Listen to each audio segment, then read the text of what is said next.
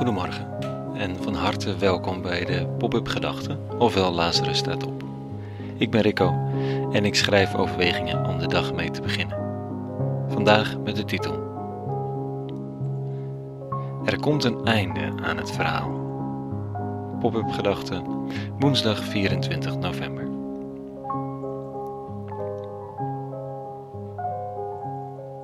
Natuurlijk komt er een einde aan ons verhaal. Hopelijk nog lang niet, maar toch, eindigheid is nodig, anders zouden we gek worden. Het heelal is al vrij ingewikkeld om je voor te stellen.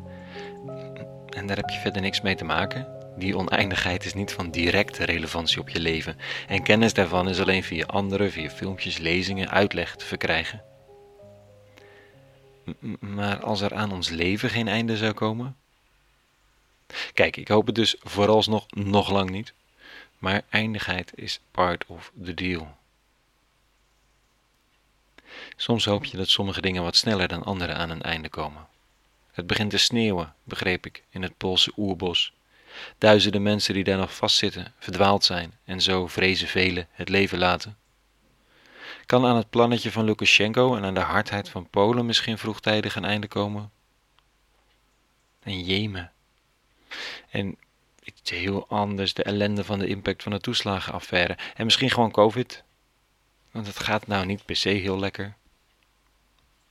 In vroegere tijden, in, in bijbelse verhalen, zette de eeuwige zelf soms een punt achter een koning. Dan was het einde verhaal. Zoals de Babylonische Belshazzar, die de tempel had verwoest en alle geheiligde voorwerpen had buitgemaakt. De man denkt echt dat de wereld van hem is, en dan is er een feest met alles en iedereen. De wijn vloeit rijkelijk en hij roept om de spullen die hij buitgemaakt heeft uit de tempel van Jeruzalem. Men bracht dus het gouden en zilveren vaatwerk dat uit de tempel van Jeruzalem was weggehaald, en de koning, zijn rijksgenoten, zijn vrouwen en bijvrouwen dronken eruit.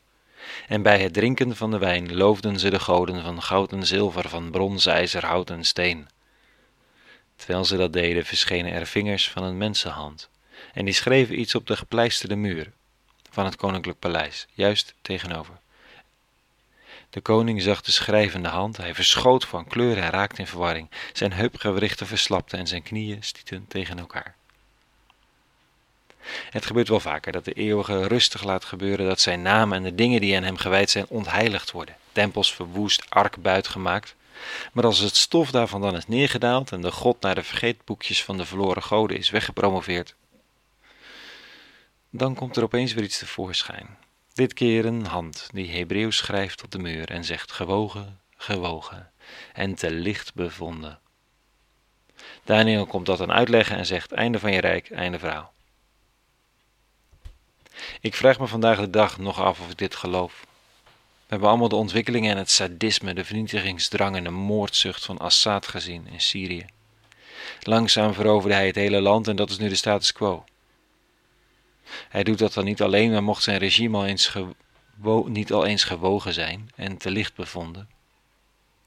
En zo zijn er nog zoveel. Is de stem van de Oeigoeren in China dan niet gehoord? Uit de concentratie- en heropvoedingskampen. Waar is dan die vinger nu? Die hand? En dan zegt de progressief: ja, het is aan ons. Ik weet dat ik dat ook vaak, misschien te vaak, gezegd heb. Maar hoe dan? Wie ziet hier progressie van ons?